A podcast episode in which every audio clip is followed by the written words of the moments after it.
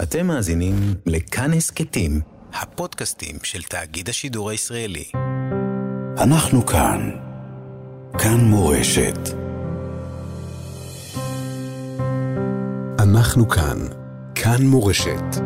ועכשיו, אמילי אמרוסי.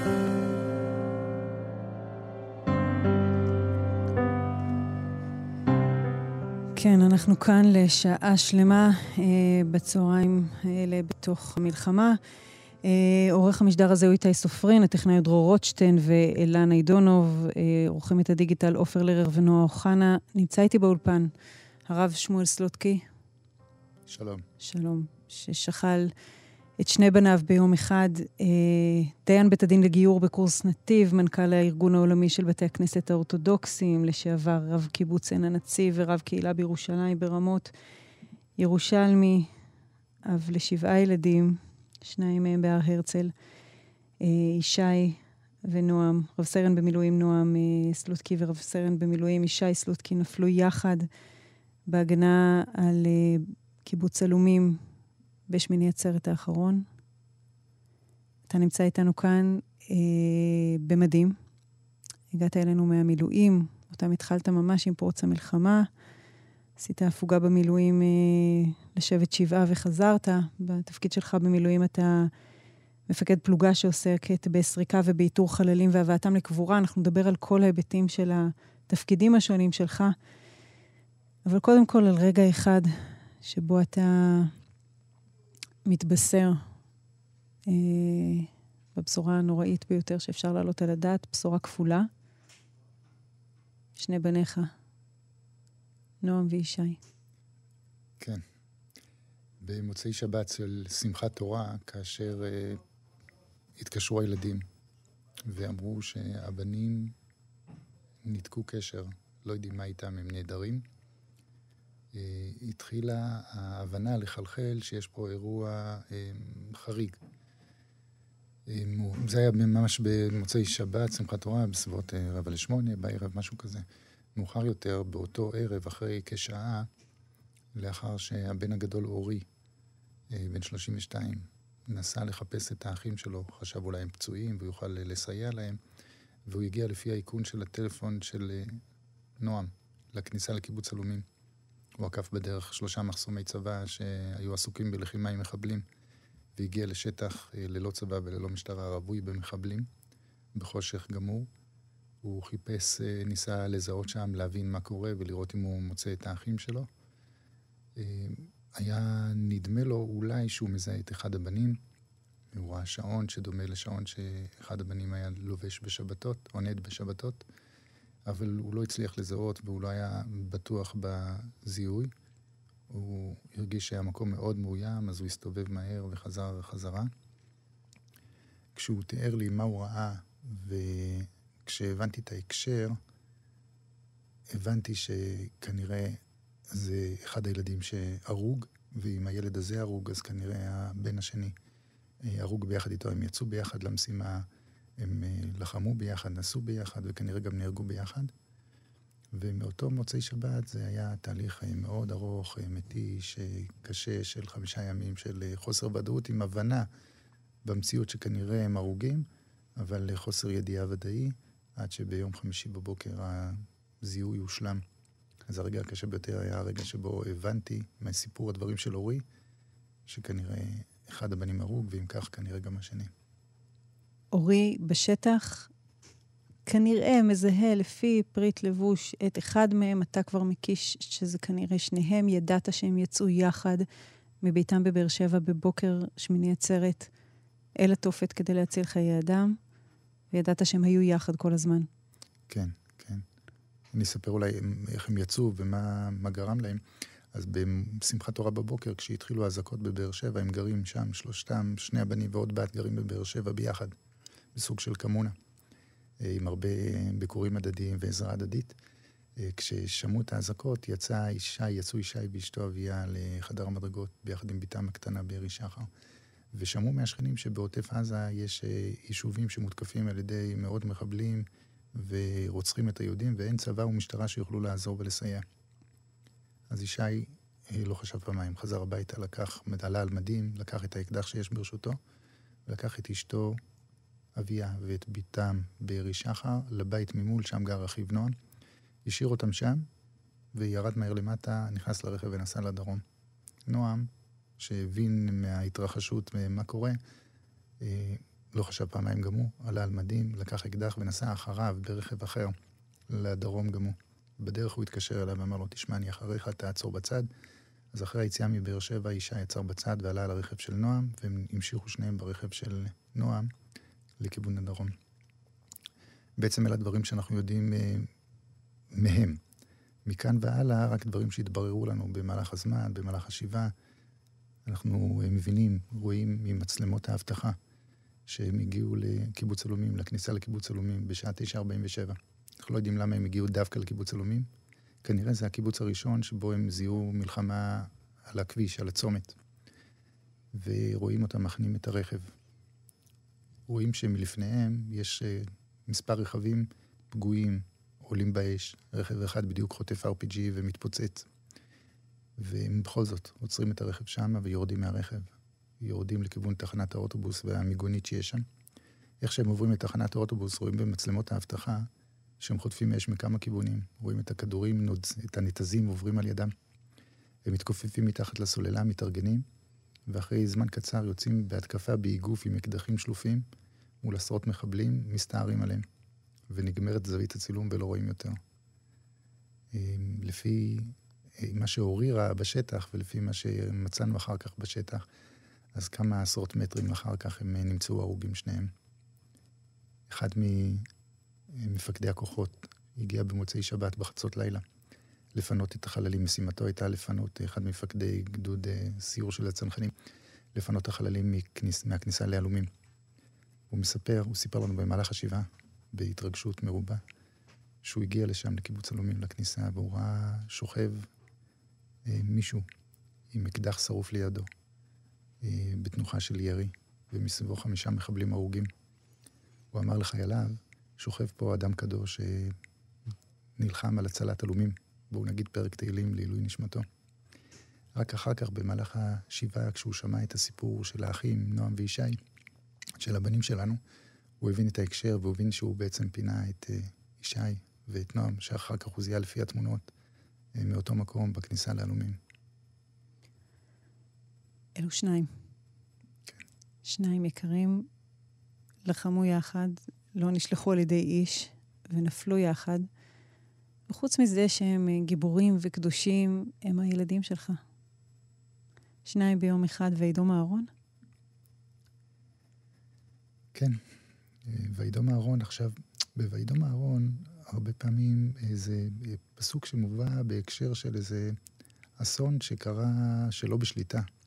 פה זה קצת אחרת, כי זה היה מתוך בחירה, הם לא בחרו למות, אבל הם בחרו לסכן את עצמם מתוך תחושה, מתוך הבנה של אחריות גדולה שמוטלת עליהם, שזה דבר מדהים, כי הם גרים בבאר שבע, הם לא שמעו יריות של נשק בבאר שבע, ואין להם איזה קרוב משפחה בעוטף אה, עזה, ביישובים שם, בקיבוצים. אין איזה חבר ספציפי שכנראה התקשר אליהם וביקש מהם תבואו להציל אותי או לעזור לי. ובכל זאת הם הרגישו אחריות מאוד מאוד גדולה להציל את היישובים המותקפים שם, כי הם חשבו שהם יוכלו לסייע, הם מיומנים שניהם בלחימה ובלחימה באקדחים באופן ספציפי.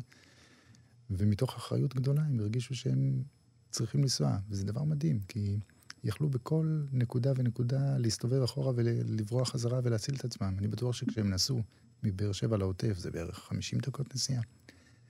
הם ראו רכבים רבים בורחים מהאזור ומסמנים באורות, תסתובבו, תברחו, אבל לא, הם המשיכו. בטוח שכשהם חנו את רכבם בכניסה לעלומים וראו את הרכבים האחרים, הם הבינו שהם לא הולכים להתקפה מול מחבל אחד, אלא יש פה מצב מלחמה כאוטי. בטוח שגם כשהם ירדו מהרכב וראו את היריות שנורות עליהם ואת הכדורים ששורקים מסביבם, הם יכלו לחזור לרכב ולברוח, או להתכופף בתעלה ולהסתתר ולהתחבא שם עד יעבור זעם. אבל הם לא עשו את זה, הם הסתערו באקדחים מול עשרות מחבלים עם נשקים שלופים, עם נשקים ארוכים. כי הם חשבו שהם יוכלו להועיל, וכשחושבים על זה, זה באמת אה, דבר מדהים. גבורה שקשה לדמיין אותה, אבל היא סוג של קריאה בשבילנו, איזה רף גבוה שהם הציבו, אגב, זה, זה לא רק הם, היו גיבורים רבים באירוע של שבת שמחת תורה. חלקם סיפורים שכבר התפרסמו, חלקם שבהמשך התפרסמו וחלקם שלעולם לא נדע. חלקם מתו, חלקם נפצעו, חלקם גם חזרו בשלום. אבל נועה וישי, במעשה שלהם, כסמל, כדוגמה, יש בזה קריאה עצומה לנו, לחברה. הננו. משאירים מאחוריהם את uh, בארי שחר הקטנה, עם השם הזה, בארי, שם שהפך להיות קצת אה, מילה נרדפת לגיא הרגע, לצערנו, לבית קברות גדול. זה נכון, וגם אשתו של אה, ישי, אביה, מדגישה והדגישה בשבעה שזה בארי שחר, שמבחינתנו, מבחינתה, זה שחר חדש יהיה על בארי. אמן. לוקחים את זה למקום של... ובנו של נועם, נטע יהודה, בן השנה ורבע, ש, שקרוי על שם גיסך, שנפל גם הוא בשירות צבאי. אשתך טלי איבדה אח אה, שנפל בתאונת אימונים לפני 21 שנים, ואיבדה שני בנים. אני לא יודעת אם אתה יכול לדבר בשמה, אבל היא מחזיקה מעמד? אנחנו כולנו מתקשים, כואבים, בוכים, אה, נשברים, אבל גם אה, מחזקים אחד את השני. מה, הרב שמואל, אנחנו כולנו, כל עם ישראל מתעורר בוקר אחר בוקר ואומר, זה חלום. תאירו אותנו מהסיוט הזה, מהחלום הזה. לא נראה סביר והגיוני מה שקורה פה, המראות, התמונות, הסיפורים, העדויות. אתה בתחושת מציאות, אתה נוחת על קרקע המציאות אחרי כזה אסון? ואנחנו עוד מהמעגלים הרחוקים, אני מרשה להגיד שאנחנו לא, לא מעכלים את המציאות. אני לא בטוח, אני לא בטוח שאני מעכל, שאנחנו מעכלים, שאנחנו לגמרי הפנמנו והבנו את האירוע האישי אה, והלאומי. אה, לאט לאט, לאט לאט רסיסים, רסיסים חודרים לנו פנימה, בעיקר בלילה כשאנחנו לבד. אבל אה, זה, זה אירוע שילך איתנו לכל החיים, ולאט לאט ננסה או נבין את העומק, הבור, החלל והשבר הגדול שאנחנו מצויים בו.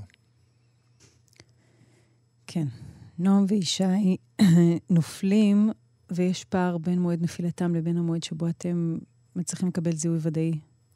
ספר לנו על ההמתנה הזאת. כן, אלו ימים מאוד מטלטלים, שעדיין יש משפחות רבות שלצערנו הגדול אה, חיים במציאות שכזו, כאשר אה, הבנים נעדרים, בן נעדר, בת נעדרת, לא יודעים מה איתם, נחטפו לעזה, פצועים באיזשהו מקום, זרוקים בשטח ואף אחד לא מגיע אליהם. או אולי הרוגים בשטח, או אולי הרוגים ונמצאים במתקן החללים ומחכים לזיהוים בתור או בגלל קשיים. ימים מאוד uh, מורכבים, קשים. מצד אחד, uh, זה עוד לא אבלות, עוד לא קברנו אותם, אפילו לא עננים, חיים כאילו ממשיכים. מצד שני, הם אינם, ואין הרבה מה לעשות בפועל. ואתה יודע שהם אינם? אתה מרגיש שהם אינם? זה לא רק מרגיש, אני בעקבות uh, הסיפור של הזיהוי של אורי, שהוא לא לגמרי הבין uh, עד תום באותו רגע מה הוא זיהה, אבל uh, הבנו, הבנו. אורי נמצא בשטח, הולך לחפש את האחים שלו.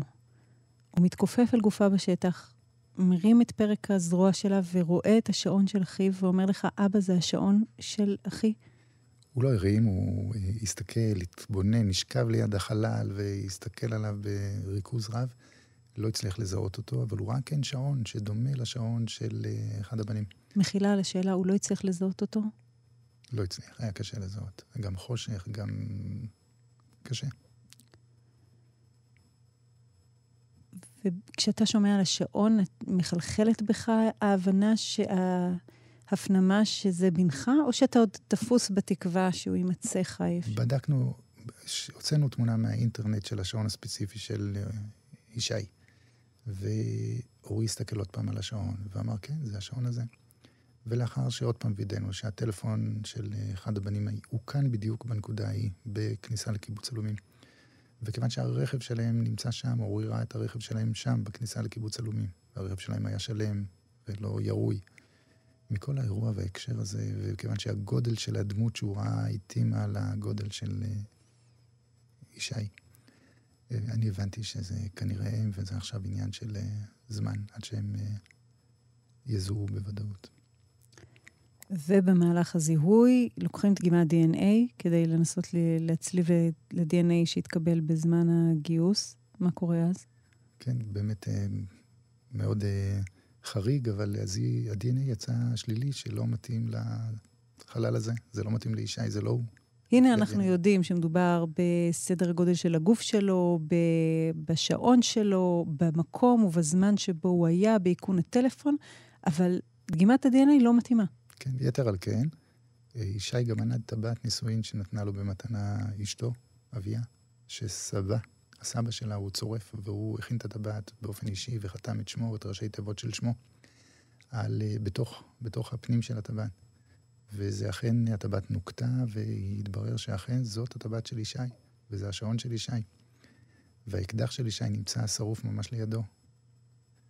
אה, ובכל זאת זה לא מספיק, כי כשיש DNA שלילי, אז מבחינה עובדתית, מדעית, זה לא האדם הזה.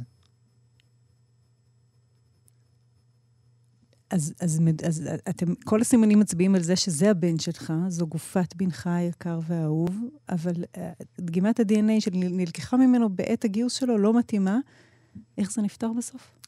עשו עוד פעם בדיקת DNA בצורה מוקפדת יותר, כדי uh, למלא את הפער הזה ולוודא שאכן זה הוא, אבל שוב יצאה בדיקת DNA שלילי, זה לא הוא, אבל ברור לנו שזה כן הוא. יש סיפור מאוד יפה של שי עגנון ויעקב למישור, שמדבר על סיטואציה דומה על מנשה חיים, שגם כן מכר את תעודת ההצדקה שלו למישהו אחר. אה, אבל זה, זה ממש לא זה, כי פה זה טבעת נישואין, אדם לא מוריד טבעת נישואין מהאצבע לפני מותו, זה הוא, זה בטוח הוא. בסופו של דבר אה, נלקחה דגימת DNA מהתהום הזהה גנטית של ישי, ששמו יונתן, מהמאגר שלו, ואכן... אה, כי תאומים זהים יש להם את, את, בדיוק את אותה תביעת DNA? נכון? ולכן אה, אושר זיהויו של ישי כישי ונועם כנועם.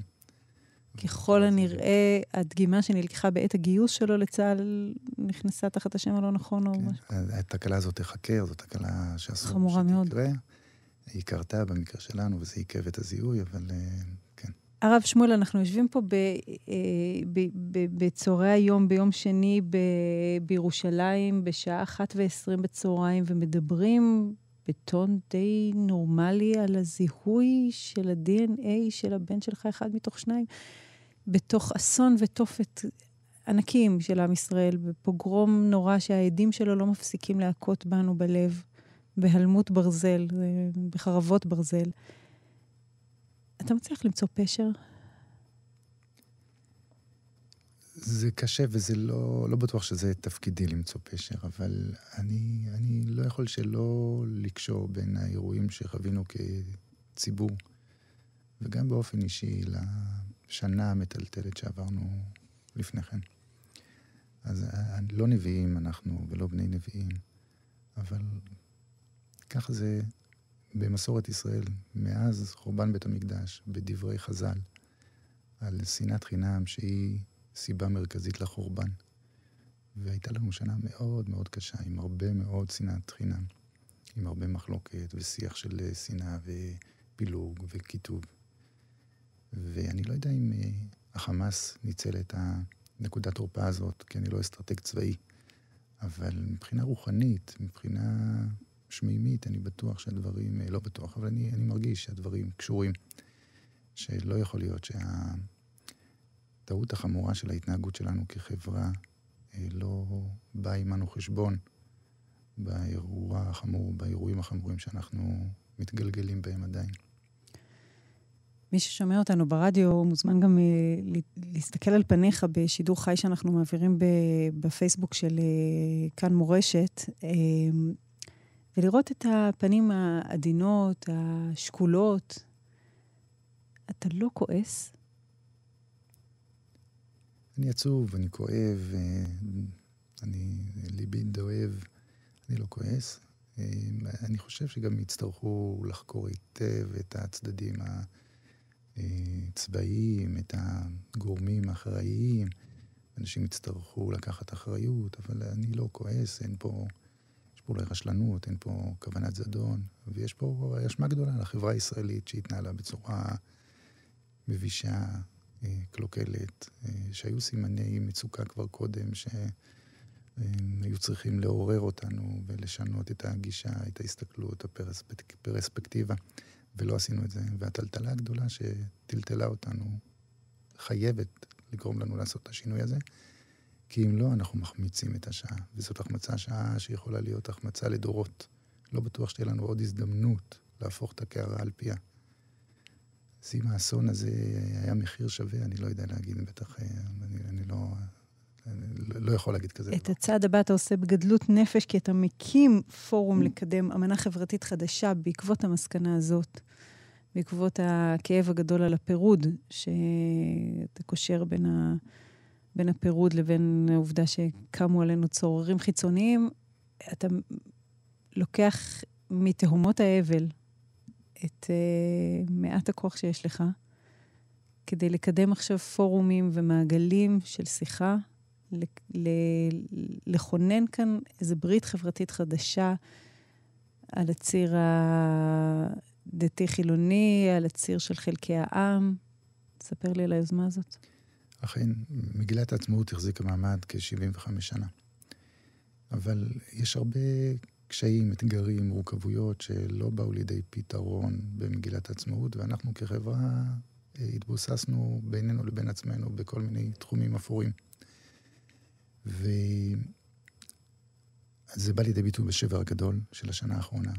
וההזדמנות שניתנה לנו עכשיו, אני חושב שהיא תוכל להצמיח משהו חדש, רק אם נבנה איזושהי תשתית שיש בה גם מצד אחד אפשרות לחיים בהרמוניה, בכבוד, ברעות. זה ממש יורד לפרטים, כמו אמנת גביזון מידן, נישואים אזרחיים, תחבורה ציבורית בשבת. עוד לא, אבל אני חושב שכן. אני חושב שזה יצטרך לרדת לפרטים, עוד לא, ירד, עוד לא ירדנו לפרטים. וגם מעבר לפרטים של החיים בצורה הרמונית, אה, מאפשרת, מכילה, אנחנו נצטרך לבנות את הייעוד המשותף שלנו מחדש, להגדיר אותו כחזון. מה ההגדרה שלך לייעוד משותף? אני עוד לא, אני עוד לא שם. אני, אני גם לא רוצה להגדיר לבדי, אני רוצה שיהיה שולחן עגול, משמעותי, רציני, של אנשים מכל קצוות החברה הישראלית, כדי שלא הייעוד שלי יהיה הייעוד שינצח, אלא שיהיה ייעוד משותף רחב, שנוכל להסכים לחיות בו ביחד. כי עם ישראל הוא מעל הכל, ואם אה, לא נאחז עכשיו בהזדמנות שניתנה לנו בשתי ידיים, אנחנו אה, חוטאים לעצמנו, ואולי המוות והאסון הגדול היה לשווא. כדי שזה לא יקרה, אנחנו חייבים לנצל את זה. אי אפשר שלא להריץ את הכוח הנדרש כדי לעלות מתוך הבור בסולם שאתה מציב בעצמך כדי לטפס למעלה. אני חייבת לשאול אותך על הכעס כלפי שמעיה. כי דיברנו על כעס ככה במובנים הארציים שלו. מה עונים לתלמידים? הסתר פנים כזה, שזה זה, זה המצלמות שקבעו בגדר עזה הם המצלמות שאנחנו מרגישים שמשמיים נעצמו לרגע ו- וניתנה רשות למשחית להשחית. איך מתמודדים אמונית עם, ה- עם החושך הזה? נכון, יש פה שתי רמות. ברמה אחת, ברמה האישית-משפחתית שלנו, האסון הגדול שקרה לנו, אני, אני מדגיש שוב, זה, זה לא איזה מחלה סופנית שפגעה במישהו מהם, זה לא תאונת דרכים, זה לא מישהו שנפל לאיזה בור. הם עשו שניהם מעשה של בחירה, של uh, הליכה מתוך מודעות, מתוך הבנה. אני לא מאשים פה את הקדוש ברוך הוא, אני להפך, אני חושב שהם הלכו מתוך uh, הבנה שיש להם תפקיד חשוב והם בחרו לעשות אותו, למרות הסיכון הרב שהם ידעו שהם לוקחים על עצמם. זה לא אשמה שמימית עליונה, אלא זה דרך חינוך שהם חונכו בה, שהם גדלו עליה, שהם התעצמו בה, בנו את אישיותם לפיה. והם בחרו להקריב את חייהם למען עם ישראל, למען הצלת יהודים אחרים. זה לא משהו שצריך להאשים בו מישהו, אלא למשהו שצריך אה, לגדול לאורו. צריך אה, להיות מבורכים בו, לא שאנחנו מעודדים למות, חס וחלילה. אבל המוכנות להקריב למען הזולת, להקריב למען מדינת ישראל, להבין שאנחנו בתהליך של גאולה, בתהליך של קיבוץ גלויות, ואם אנחנו לא ניתן מעצמנו, לא יהיו אחרים שיעשו זאת. זה, זה דבר עצום, דבר גדול. אוקיי, okay, ונצא החוצה מהתמונה הקטנה הזאת של משפחה אבלה אחת אל אומה אבלה. אומה מוכת יגון והלם. מה אתה אומר לתלמידים? מה אתה אומר לנו? אז במישור הלאומי, אני, אני חושב שזאת uh, קריאת כיוון עצומה משמיים. צדיק ורע לו, רשע וטוב לו, זאת שאלה שמסתובבת ברחבי החלל היהודי כבר שנים רבות. אבל פה זה, זה יותר מוכוון מבחינת הקריאה הנבואית משמיים. תתעוררו. תתעוררו, אתם איבדתם את הכיוון, אתם מאבדים את עצמכם לדעת, אתם חייבים לעשות משהו. הלוואי שנתעורר בינתיים, אנחנו בתחושה איומה של סיוט, של חלום ש...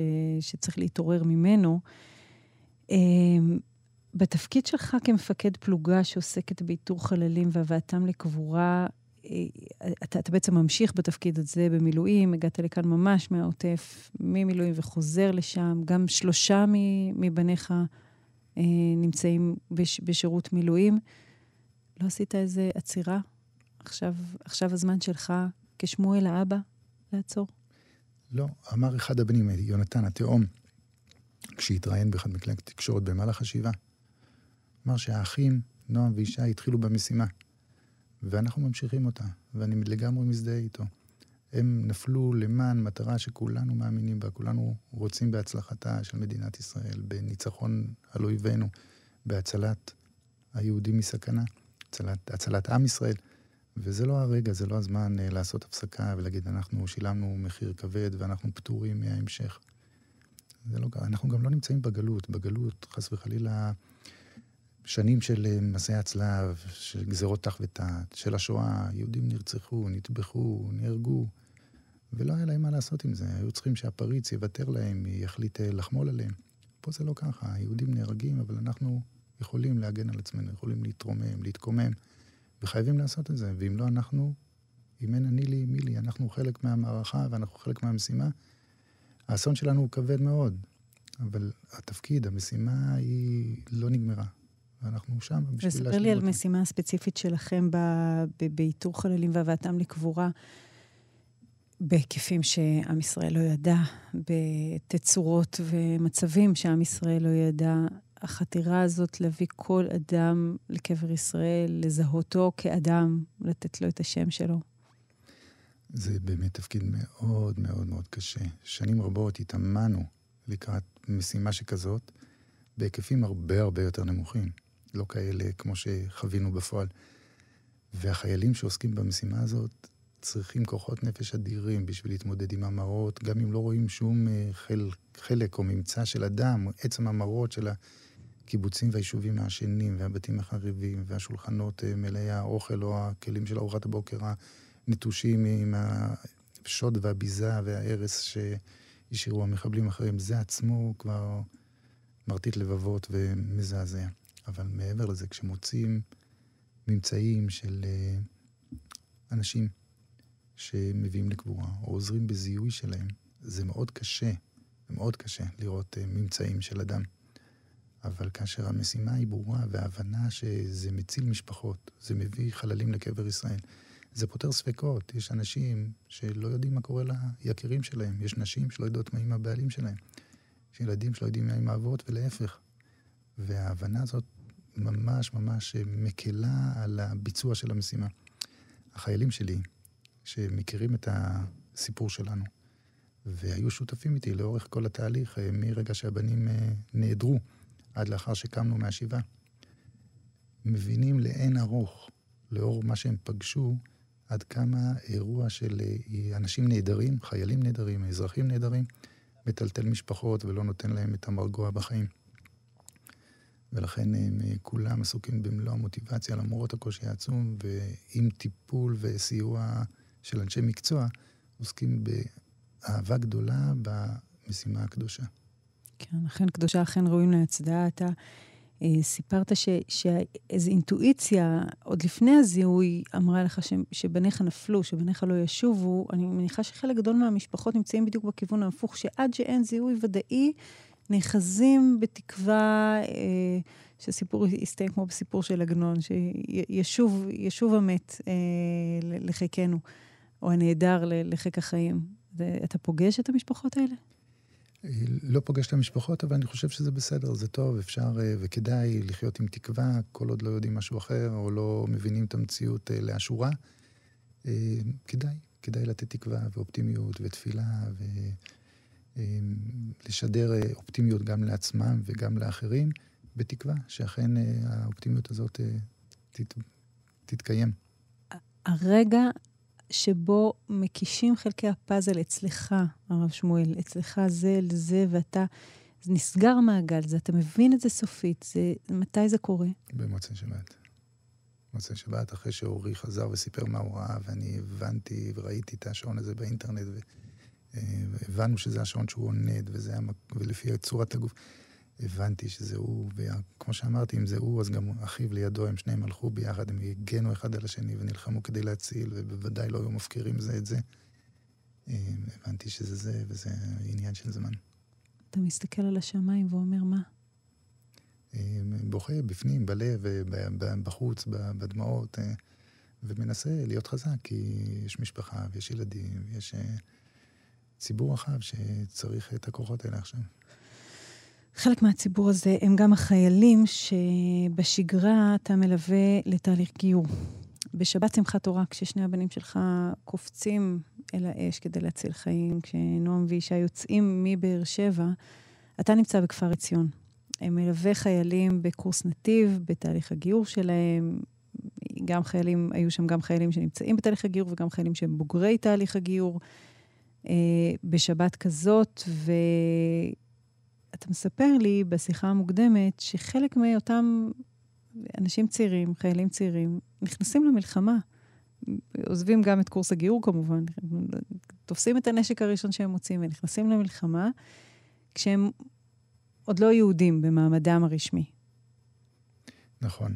אה, באמת, החיילים הללו, שחברים שלהם היו באותה שבת בחזית ממש, מגולני ומהנחל ומהיחידות המיוחדות, ונהרגו מיד בבוקר, באזעקות הראשונות ובקריאה הראשונה של המפקדים שלהם, נלקחו לחזית, לא נלקחו, הם רצו בשמחה, לא בשמחה כי, כי זה, זה מלחמה. אזעקה עכשיו בנתיב העשרה, רק נגיד. הם, הם רצו למלחמה כדי להגן על מדינת ישראל, כדי להגן על עם ישראל. וזה ממש אה, אירוע שלא היה לנו כמותו ב, בכל חיי העולם היהודי מאז אברהם אבינו. אנשים שהם לא מוגדרים כיהודים מבחינה הלכתית, אבל אבא שלהם יהודי, הסבא יהודי. ולפעמים גם לא אבא ולא הסבא, אבל הם חיים פה, הם עשו בר מצווה, הם צמים ביום כיפור. הם, הם למדו... לוחמים איתנו שכם אל שכם ונופלים. כן. הם למדו, הם למדו הרבה יהדות במהלך הסמינרים שהם לומדים, הם שומרים שבת לפי איך שהם יודעים, והם רצו להילחם כי הם הרגישו שייכים לעם ישראל, לא כי הם הרגישו אזרחים אה, שווי זכויות. הם הרגישו שזו מלחמה כנגד עם ישראל, והם רצו mm-hmm. להילחם בשם עם ישראל. חלקם גם נהרגו בקרב, לפני שהם סיימו את תהליך הגיור. וחלקם חיים, ובעזרת השם אחרי המלחמה יחזרו לבית הדין עוד חודשיים, עוד שלושה. וירצו לסיים את תהליך הגיור ולהפוך להיות יהודים מן המניין. אני נותנת בפניך, בידיך עכשיו את מפתחות הגיור העולמיות של עם ישראל. מה אתה משנה? אני חושב שבמקום אה, שאלות קטנוניות, כפי שקורה לפעמים אה, מול המתגיירים, ש... דורשים מהם לומר בעל פה תפילה זו, תפילה אחרת, ברכה זו. ברכת המזון, כן. ברכה זו, ברכה אחרת. כן. דברים שלא תמיד אה, כל הילדים שלנו יודעים אה, לומר בעל פה.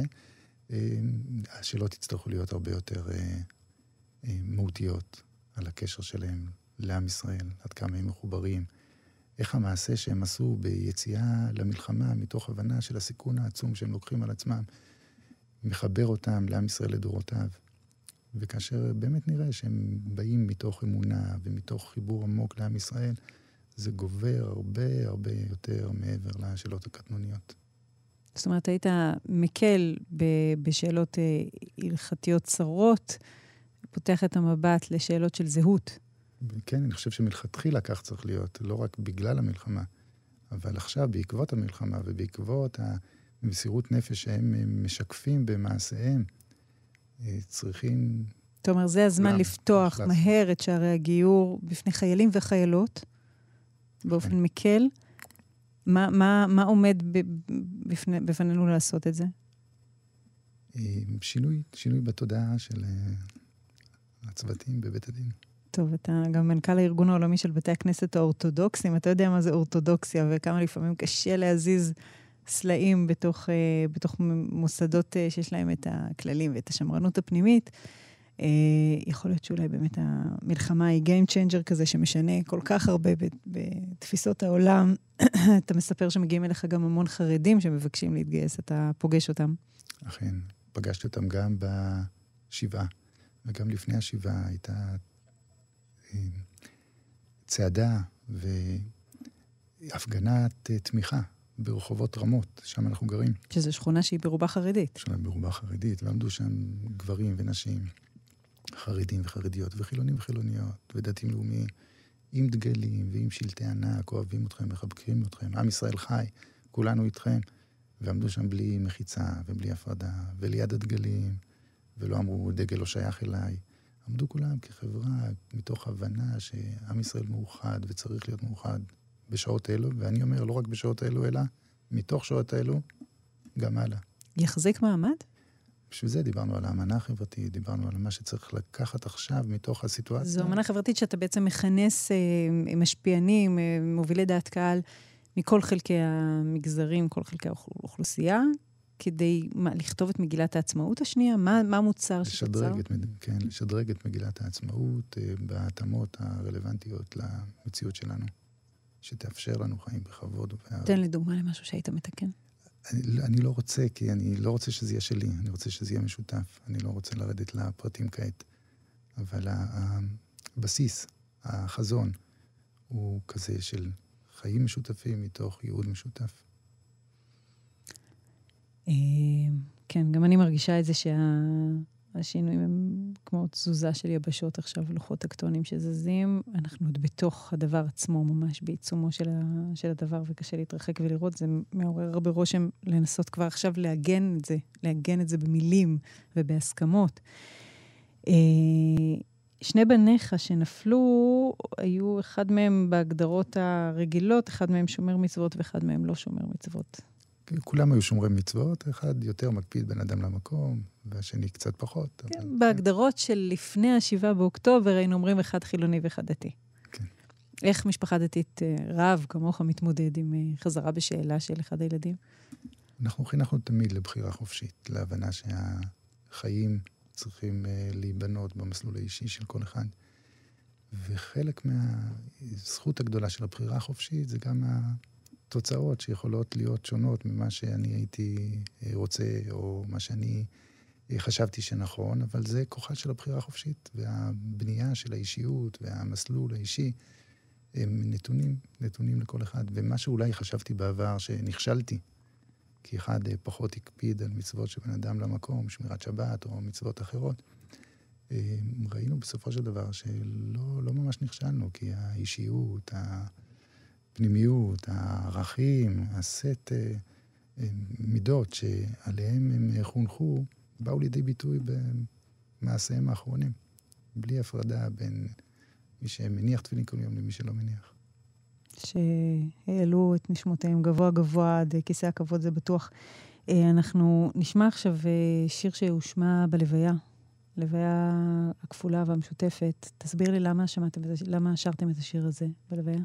כל העולם כולו, גשר צר מאוד, מדבר על הסיטואציה בעיניי שבה היינו באמת גשר צר מאוד במוצאי השבת הזאת של שמחת תורה. אה, הרגשנו פחד מצד אחד, ו... זעזוע, והעולם מתערער, מתערער. אנחנו על אה, צל ההר ועומדים ליפול. אבל העיקר לא לפחד, אנחנו אה, עם, עם ישראל ביחד, אנחנו עם רעיון משותף פה, עם ערבות הדדית עצומה. ולכן עם הנצח לא מפחד מדרך ארוכה, והעיקר לא לפחד כלל, למרות הפחד שיכול ולפעמים מתגנב לנו.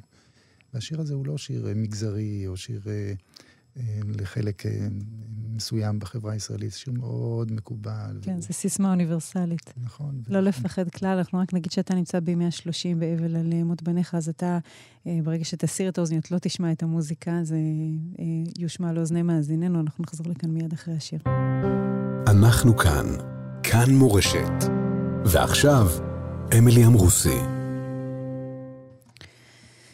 כן, אנחנו כאן uh, עם uh, הרב uh, שמואל סלוטקי מבית הדין לגיור ומנכ"ל הארגון העולמי של בתי כנסת האורתודוקסים ורב, רב קהילה ואבא של נועם וישי, הרוגי מלכות שנהרגו בכניסה להלומים בשמיני עצרת בעודם מגינים על חיי יהודים, שליחי עצמם בעצם שלא נשלחו. ואתה יודע, מתוך 1,400, שזה מין גוש כזה גדול. והאבל הלאומי הגדול, ובתוך זה יש פתאום איזה מין גוש של שניים. אני רוצה להפריד אותם ולשמוע רגע על, על כל אחד מהם. מי, מי הם היו? אה, ספר על נועם. כן, אז קודם כל, במשותף שבשניהם, שניהם מתוקים מדבש, בעלי לב זהב, עם עשייה רבה של חסד. אבל כל אחד בנפרד, יש לו אישיות בפני עצמה. נועם היה ילד אנרגטי בצורה קיצונית. נועם היה ב-31. ב... מלידתו, בתור תינוק, היה בורח לנו לכל מיני אה, פינות וזוויות ומטפס על עצים שהיה מאוד קשה להוריד אותו. איזה מספר הוא בבית? שתיים. שני מתוך שבעה. כן. ונפל עשרות פעמים ופתח אה, כל איבר אפשרי בגוף ושבר כל עצם שניתן. ADHD לא סתם, לא קלאסי, אלא קיצוני. אה, זה בא לידי ביטוי גם במסגרות הלימודים. הילד מתוק, המורים אהבו אותו, אבל הוא היה עושה מעשה קונדס ושובבות, ולא הסתדר עם המסגרות הרגילות. אה, עד כדי כך שהוא לא סיים בגרות, ובמקום כיתה י"ב הוא פשוט התגייס, התגייס לסיירת אגוז, ואחר כך עבר לגולני, ויתר על כיתה י"ב, יצא בלי בגרות. אה, ובכל זאת, כשהוא בגר ותפס את עצמו, הוא למד תואר ראשון, ולמד תואר שני במנהל עסקים וכלכלה ואקטואריה, במקביל לזה שהוא נשוי ויש לו ילד, והוא עובד שש משמרות בשבוע כדי לפרנס. והמשיך והתקבל לעבודה בצ'ק פוינט בתור business data analyst, זה אדם שאחראי על התקציבים של מיליארדים uh, כל חודש. Uh, עבד עם ארבעה מסכי מחשב במקביל, עם uh, מספרים וטבלאות ונוסחאות. אה, וזה פשוט מדהים איך הוא בנה את עצמו והגיע למקומות מתוך אה, בחירה חופשית, מתוך אהבה, בלי לחץ של אה, מורים, מורים ובגרויות. בשבילנו זה, זה תהליך מאוד עמוק של מחשבה חינוכית שהתפתחה במהלך השנים של גידול הילדים, אבל באה לידי ביטוי ופירותיה נראו כשנועם גדל. הפנים שלך זורחות כשאתה מדבר עליו, אב גאה. אה, ספר על ישי, ישי בן 24. נכון. ישי גם הוא אה, לא הסתדר עם המסגרות הקלאסיות של בתי הספר, אה, אבל כן, בנה את עצמו, ובמקום להשקיע בלימודים, השקיע בהתנדבויות, בבנימין, הוא היה מתנדב שם עם ילדים עם צרכים מיוחדים, באהבה, במסירות, עד כדי כך שאפילו הוא היה חלק ניכר משירותו בסיירת גולני. בימי שישי הקצרים, כשהוא היה חוזר הביתה, היה מוותר על השהות בבית או עם החברים ונוסע לילד אה, אותו אימץ. אה, ילד של עשייה וחסד, שגם הוא תכנן אה, להשלים את לימודיו אחר כך ולהתקדם בפן האישי, לא מתוך כפייה והכרח, אלא מתוך רצון ואהבה. זה מחלחל שאתה מדבר עליהם בזמן עבר? זה, זה משהו שאתה כבר מבין? אנחנו שלושה שבועות ויומיים אחרי שבועיים ומשהו אחרי הזיהוי. לא, לא, באמת, הם אה, חיים פה איתי, אני מרגיש אותם, אה, מחבק אותם, אה, לא, לא באמת מבין שהם לא פה. במציאות הם לא פה, כשהבן הקטן של נועם, נטע יהודה, קורא אבא, כשהוא רואה את המגנטים על המקרר, ואין לנו איך לעזור לו בלמצוא את אבא, זה טופח לנו בפרצוף, אבל אני מרגיש אותם איתי. איתך בהר הרצל. אה, אנחנו לקראת סיום של השיחה הזאת, שהיא מצד אחד מאוד מאוד כואבת, מצד אחד אה, מלאה בעוצמה, אה, מפעימה ממש. פרשת השבוע, פרשת לך לך. אני, אני עם החרדות שלי לקחתי את זה לכיוון של זהו, אנחנו הולכים גם מכאן. אולי לא תהיה לנו תקומה. מיד חזרתי לנבואות הנחמה, כן, התיישרתי. אבל תן לנו את הפרשנות שלך ללך לך. השפת אמת, לפני כ-120 שנה, מביא את קושיית הרמב"ן. למה לא נאמר סיבה מדוע הקדוש ברוך הוא בחר באברהם? כתוב, ויאמר השם אל אברהם, לך לך. אבל הוא לא מסביר למה, כמו אצל נוח, שכתוב, ונוח מצא חן בעיני השם. אז השפת אמת אומר שהלך לך זה עצמו השבח של אברהם. דהיינו, שהקדוש ברוך הוא שלח קול בעולם, לך לך. ציפה שאנשים ישמעו את הכל. אבל כולם היו עסוקים בשלהם, כל אחד איש איש בפרנסתו, בעיסוקיו, במשפחתו. ורק אברהם היה זה ששמע את הקול שקרא, לך לך. אז אברהם mm. בעצם בחר בהשם. זאת אומרת, זה לא נאמר לאברהם, זה פשוט נאמר. ככה שפת אמת אומרת. ולאברהם היו אנטנות. אברהם היה רגיש, מכיל, קשוב, מסתכל לא רק על עצמו, אלא על האידיאלים שיש בעולם. והוא מחליט להיענות לקול הזה שנשמע בעולם.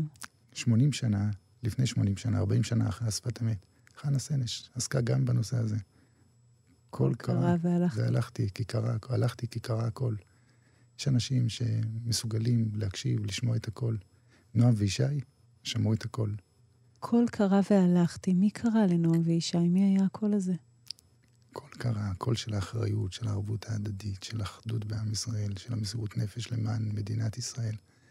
זה הקול שקרא, וזה הקול שאנחנו במהלך הדורות, בעם ישראל לדורותיו, בזכותו אנחנו קיימים, בזכותו הגענו עד הלום, ובזכותו גם נמשיך להתקיים. אבל זה רף גבוה להיות uh, קשוב לקול הזה. זה רף מאוד גבוה, זה גם רף גבוה בתור אב שכול, כי אני מכירה המון הורים שכולים שבניהם נהרגו תוך כדי פעולת גבורה, שאמרו לי לאורך השנים, כמראיינת, אנחנו מתחרטים על זה שלימדנו את הילדים שלנו להיות טובים. אני לא רוצה ילד צדיק, אני רוצה ילד חי. אין משמעות לחיים בלי היותם צדיקים, בלי הצדיקות שלאורה אנחנו מחנכים. אין לנו משמעות ולעם ישראל תקומה. לך לך כי קרה הכל, זה, זה, זו המשימה. זה הרף. כל בית ישראל יבכו את השרפה אשר שרף השם, זה מה שנאמר אחרי המילים, אחרי הפסוקים של וידום אהרון, ששני בניו. כל בית ישראל בוכים איתכם את השרפה הזאת. אה, הרב סלוצקי, אני מרגישה שהשיחה הזאת היא, היא, היא, היא, כאילו נערכת בגלקסיה אחרת. אתה, אתה מופיע מתוך גלקסיה אחרת במילים שלך ובאופן שבו אתה אה, מעניק פרשנות ומשמעות לדברים. אה, אני מניחה שאתה רואה אנשים שבורים, ואתה עומד כמו סלע ואומר, מה אתם שבורים? לא, אתה, אתה רואה מולך אנשים שבורים ש, ש, שאתה זה שצריך לנחם אותם. במקום שהם ינחמו אותך. זה נכון, ואני מרגיש שגם בזה יש לנו תפקיד, לנו כמשפחה. אה, מרים פרץ באה לנחם אותנו, ומאוד הזדהינו איתה. זה סיפור שיש בו הרבה מן הדמיון. במקרה, ביום הזיכרון האחרון לחללי צה"ל, שני הבנים, ישי ויונתן, התאומים, ששניהם היו בסיירת גולני, הלכו להעניק לה את שי היחידה של סיירת גולני למרים פרץ. אחד מהם, ישי, נהרג. ולכן החיבור איתה היה חיבור חזק. אבל אני מרגיש שיש לנו כמשפחה, אה, לאור מה שעברנו, יכולת גם לחזק משפחות אחרות. ובכלל, להכניס דברים בפרופורציה. כשנמצא במילואים, וחיילים רגילים, חיילי מילואים רגילים להתלונן על האוכל, על הביגוד, על המזרון, על שק שינה שלא נקי. חיילים רואים את הדברים בצורה אחרת לגמרי. טוב, אין אדם שיכול במחיצתך להתלונן על האוכל או על, הניקיון, בהיותם במחיצת אה, אב שכול כפול טרי. אה, אתה, אתה חוזר מכאן ממש לדרום, אל פס הקול של רעמי ההפגזות הצה"ליות, פס קול של עם שקם על מרצחיו. נכון, אנחנו באמצע משימה והיא עוד לא הושלמה, ייקח עוד זמן, ואנחנו בעזרת השם גם נכריע את המאבק הזה. אנחנו נכריע את המאבק הזה.